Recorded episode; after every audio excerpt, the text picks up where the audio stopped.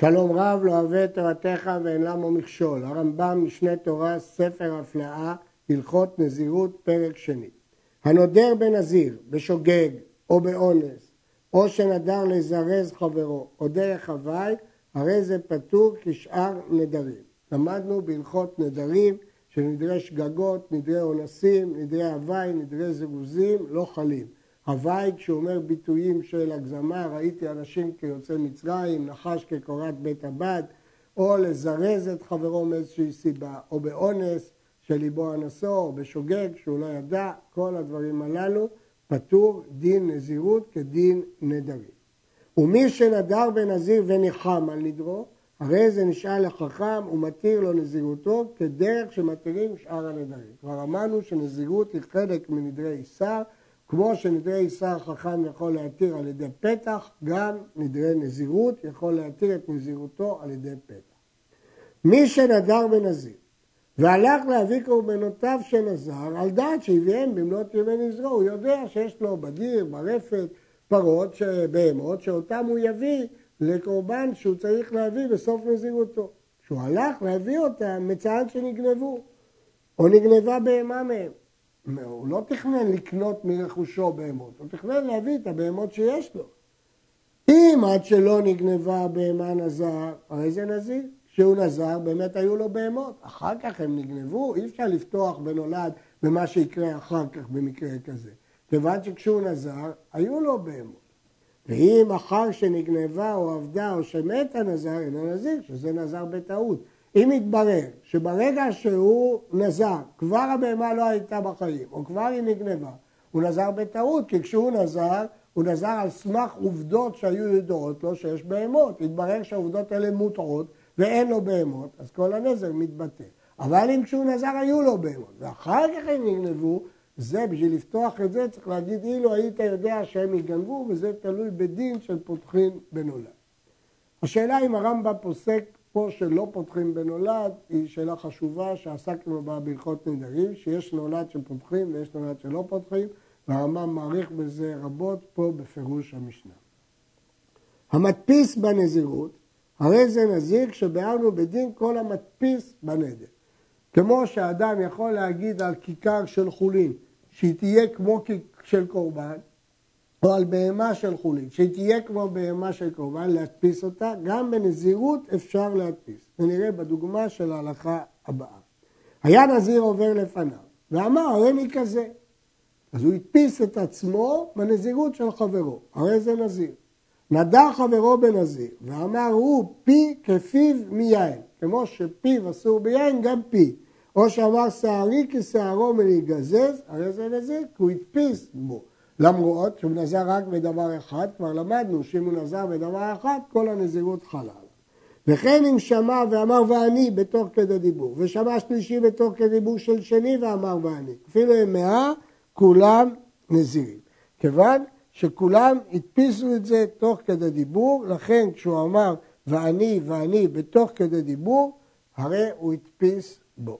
לגבי פי כפיו, הרמב"ם לא הצריך כדי דיבור. לגבי ואני, הרמב"ם הצריך שזה יהיה תוך כדי דיבור. האומר הריני נזיר כשיהיה לי בן, ושמע חברו ואמר ואני, הרי חברו נזיר מיד. יש פה שאלה. האם כשהוא אמר ואני, הוא התכוון שיהיה נזיר כשלראשון ייוולד בן, או כאשר ייוולד לו בן, או שהתכוון ואני נזיר.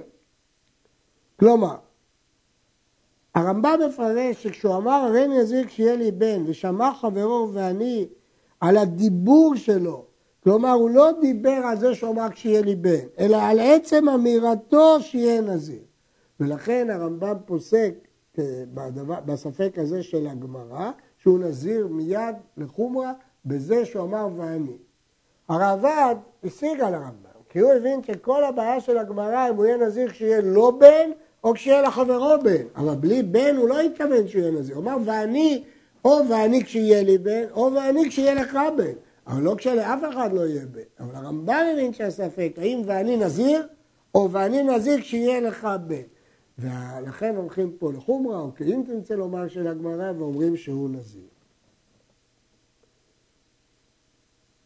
האומר לחברו, הריני נזיר כשיהיה לך בן, ושמע חברו ואמר ואני, אין זה נזיר. שלא נתכוון זה האחרון, אלא לומר לו שאני אוהב שיהיה לך בן כמו זה שהרי הוא בוש ממנו. מה פירוש? הוא אומר לחברו, אין נזיר כשיהיה לך בן, כלומר, אני מתפלל, אני מקווה שיהיה לך בן. אז גם השומע רוצה לברך אותו, הוא אומר, ואני, גם אני מברך אותך שיהיה לך בן. אבל לא הכוונה שהוא יהיה נזיר, כי הוא אמר את זה מתוך בושה ולא מעיקר הדין. האומר, הרי אני נזיר כשיהיה לפלוני בן, ושמע חברו ואמר ואני, הרי זה ספק, שמא לא נתכוון אלא להיות נזיר כמותו, או לומר שאני אוהב אותו כמותך, הוא ספק נזירות להקל. אמרנו בהלכה ה' שפסקנו בבעיה של הגמרא שהוא נזיר, למרות שזה ספק בגמרא. ואילו פה הרמב"ם פוסק שספק נזירות להקל. התשובה היא כי שם הבעיה הוצגה באם תמצא לומר. והרמב"ם כשיטת הגאונים, שכל מקום שכתוב אם תמצא לומר, הגמרא רוצה לפסוק כמו הצד של אם תמצא לומר. מה שכאן זה ספק רגיל, האם הוא מתכוון להיות נזיר או רק ביטוי של אהבה. אז זה ספק נזירות להקל. שניים שהיו מהלכים בדרך וראו אחד בא כנגדם ואמר אחד מן השניים זה הולך לקראתנו שמעונו ואמר חברו ראובנו. ואמר זה הריני נזיר אם יהיה ראובן.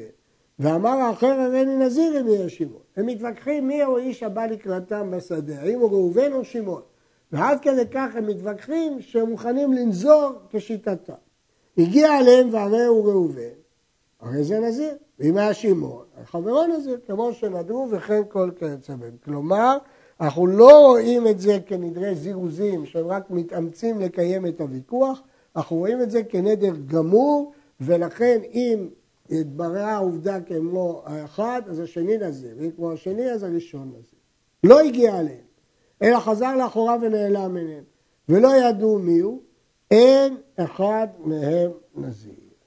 אם לא התברר, התברר העניין והם חזרו לאחוריהם, הוא חזר לאחוריו ולא הגיע אליהם, אין אחד מהם נזיר. זה לשון המשנה. וכן האומר, הריני נזיר אם היה בכלי זה מעקור והלך למודדו, אמצעו שנגנב או אבד. אינו נזיר, כיוון שהוא התכוון, אם יש שם קור שאפשר למדוד אותו, אם אין, אז זה ספק, אנחנו לא יודעים אם היה מאה או לא מאה. אז זה ספק, כיוון שזה ספק, אינו נזיר.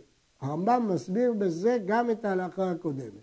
מדוע זה שנעלם מעיניהם שניהם לא נזירים, הרי זה ספק אם אחד מהם צדק, ספק נזירות להקל.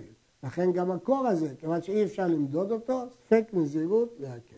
לכן כל כיוצא בזה שספק נזירות להקל. היו מהלכים בדרך וראה את הקוי ברחוק קוי, יש בו דרכים שווה לחיה, דרכים שווה לבהמה, ומין שצורתו מן העיזים והצבעים. ואמר אחד מהם, הרי נזיר שזה חיה. ואמר אחד, הרי נזיר שזה בהמה. ואמר אחד, הרי נזיר שאין זה חיה. ואמר אחד, הרי נזיר שאין זה בהמה. ואמר אחד, הרי נזיר שאין זה לא חיה ולא בהמה. ואמר אחד, הרי נזיר שזה חיה ובהמה, הרי כולם נזירים. מדוע?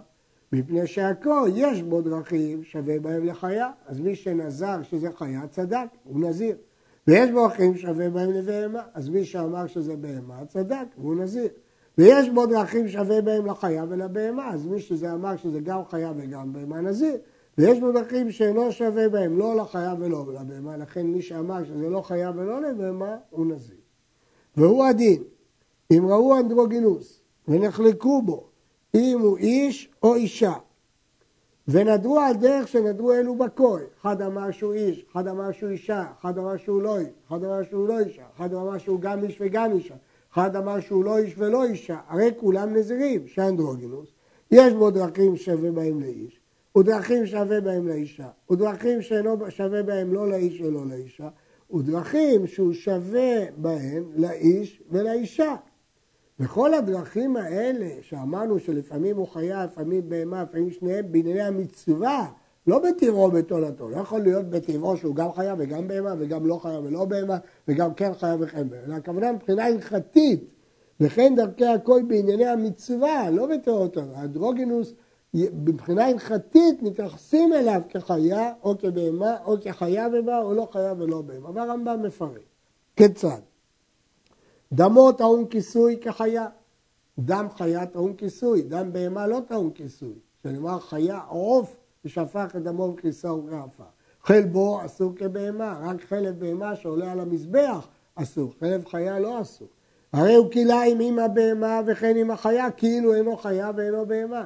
וטעון שחיטה כחיה וכבהמה, ויש בו דינים אחרים, וכל אחד מהם יתבהר במקומו, ולכן כולם נזירים. וכן האנדרוגינוס, מטמא בלובן כאנשים, ומטמא באודם כנשים, ואינו נמכר בעבד עברי לא כאנשים ולא כאנשים, והאורגו נהרג עליו כאנשים וכאנשים, ויש בו דינים אחרים, וכל אחד מהם יתבהר במקומו, ולכן אנחנו מתייחסים שכולם נזירים, מכיוון שהכל ייתכן, כל אחד אה, כל פרט שלו אה, נכון. רש"י חולק על הרמב"ם בזה, וסובר שזה נזירות בטעות, והמשנה היא רק למאן דאמר שנזירות בטעות היא נזירות, אבל לבית הלל היא לא נזירות. אבל בהמשך רש"י מציע פירוש נוסף, לפיו בית הלל חולקים על בית שמאי רק בהקדש, אבל במקרה שכאן גם בית אה, שמאי מודים. בכל אופן הסברנו את הסבר הרמב"ם, שמספיק שיש דין חלקי כזה או כזה או כזה, כולם נזירים. וכן, אם ראו אנשים באו כנגדם, מעין פיקחין ומעין סמים. ואמר אחד, הרי אני נזיר שאלו פיקחין. ואמר אחד, הרי נזיר שאין אלו פיקחין. ואמר אחד, הרי נזיר שאלו סומים. ואמר אחד, הרי נזיר שאין אלו סומים. ואמר אחד, הרי נזיר שאלו פיקחין וסומים.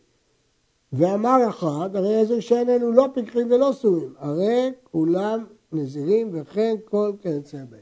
כמובן שההלכה הזאת היא יישום של שתי הלכות קודמות. פה לא מדובר בקוי או באנדרוגינוס, שיש לפעמים, יש דרכים שהוא יש דרכים שהוא בהמה וכדומה. פה מדובר בקבוצת אנשים שיש בהם כאלה ויש בהם כאלה. אז לכן, כשכולם צדקו, אלה שאמרו שפיקחים צדקו כי יש בהם פיקחים, אלה שאמרו סומים צדקו כי יש בהם סומים וכדומה. קטן שהגיע לעונת נדרים. אמרנו שבנדרים יש דין מיוחד.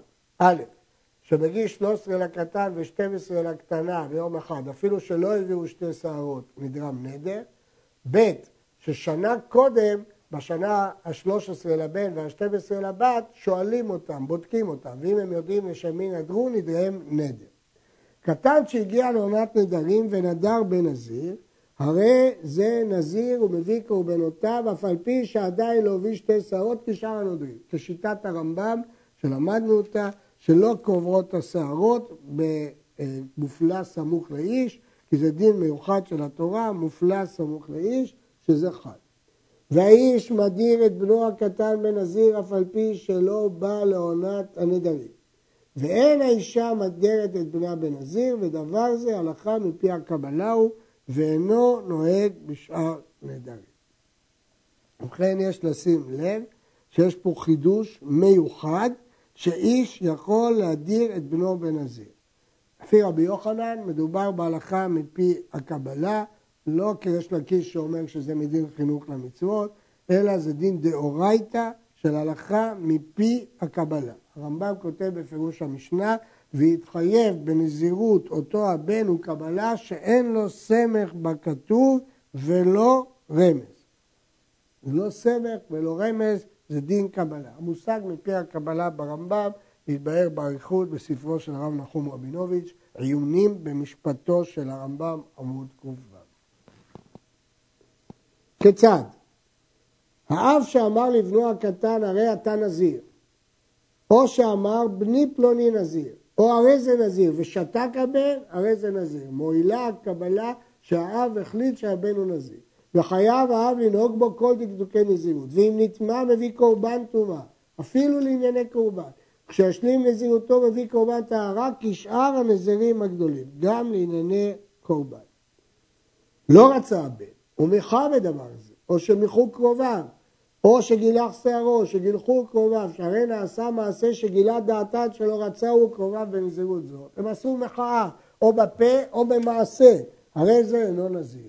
למה? כיוון שהוא מחה, אז אבא לא יכול להזיר אותו, אלא אם כן הוא שותה. ועד מתי יש לו להדירו? עד שיגדיל ויעשה איש, כי כבר אז זה תלוי באדם עצמו.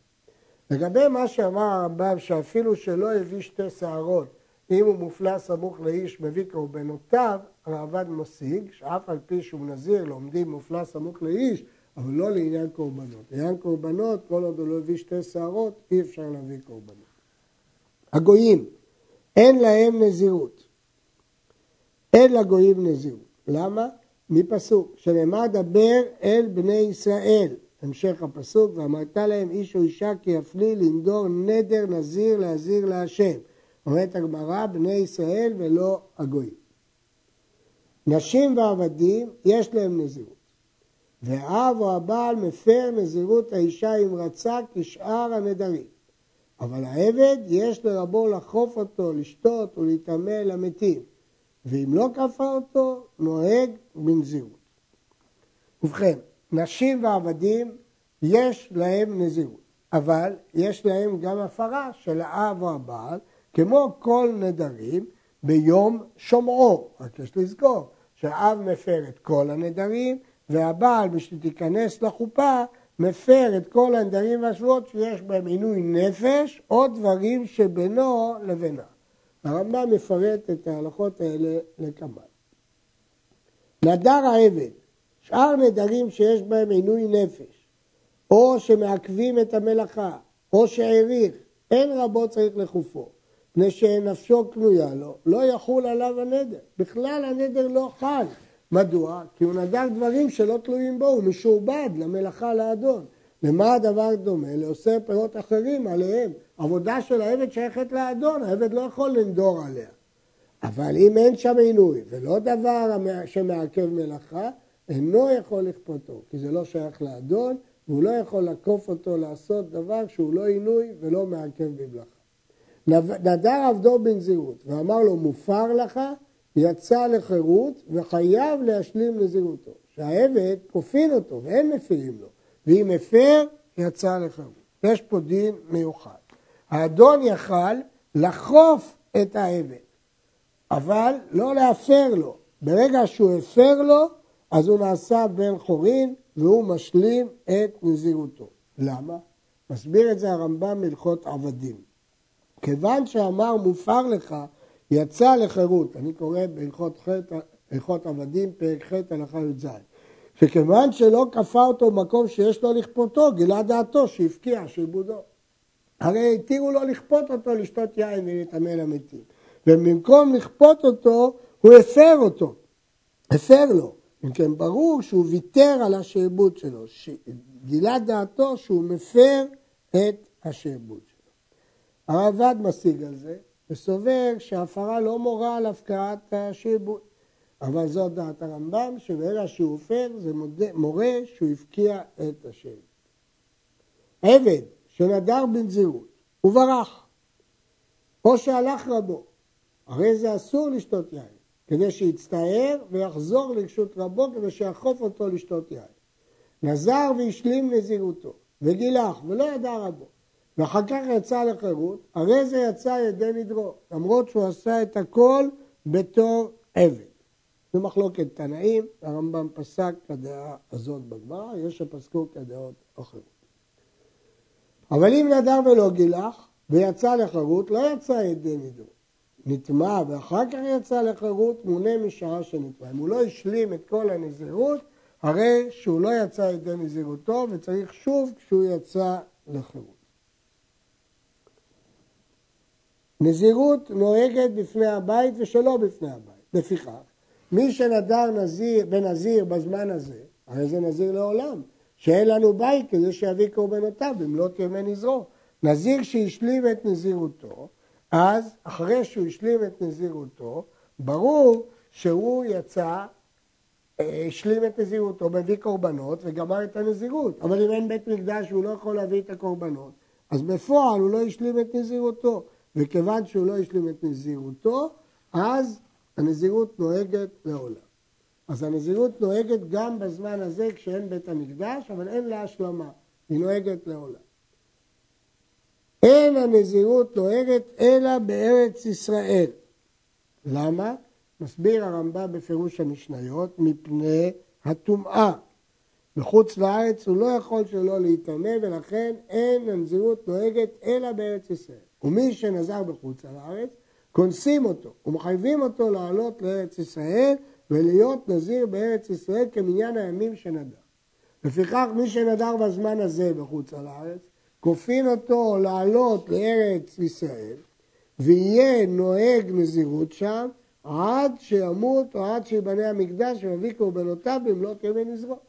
כיוון שהוא נדר בחוץ לארץ, ואי אפשר שלא יטמא בחוץ לארץ, כי חכמים גזרו טומאה על ארץ העמים, ולכן הוא יעלה לארץ ויקבל עליו נזירות, ויצטרך להיות נזיר לעולם, כי אין בית מקדש להקריב קורבנות, או עד שיבנה בית המקדש.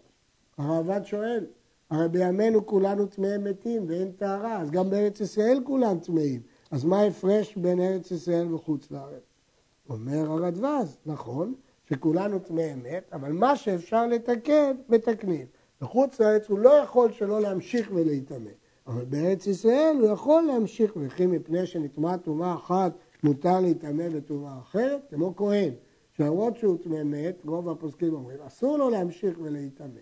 אז גם הנזיר, למרות שהוא טמא מת, אסור לו להמשיך להיטמא, אבל בחוץ לארץ הוא כל הזמן יהיה מוכרח להמשיך ולהיטמא. וכל זמן שהוא, בחוץ, כל זמן שהוא בחוץ על הארץ, הרי זה אסור לשתות יין ולהיטמא למתים ולגלח. לא נגיד שכיוון שהוא בחוץ לארץ ובין כך הוא נטמע בטומאה בארץ העמים, בכל זאת אה, מותר לו כל הטומאות. לא. למרות שהטומאה הזאת הוא נטמע, וזו טומאת דה רבנן טומאת ארץ העמים. אז לא נתיר לו להיטמא למתים. וכל דקדוקי נזירות עליו, ואף על פי שאין ימים אלו עולים לו. ואם עבר ושתה או גילה גם בביתך יוצא בגילה לוקה, כי סוף סוף הוא נזיר ממש בחוץ על הארץ. כל הבעיה היא שהוא שם לא יכול להימנע מטומאת ארץ העמים, אבל הוא יכול להימנע מטומאת מת, ואם הוא יטמא בטומאת מת, הרי ברור שהוא לוקה. הדברים האלה הם נגד אה, פירוש המשנה, כיוון שבפירוש המשנה אה, למדנו שהנזירות בחוץ לארץ היא רק מדין קנס, אז ברור שלא לוקה.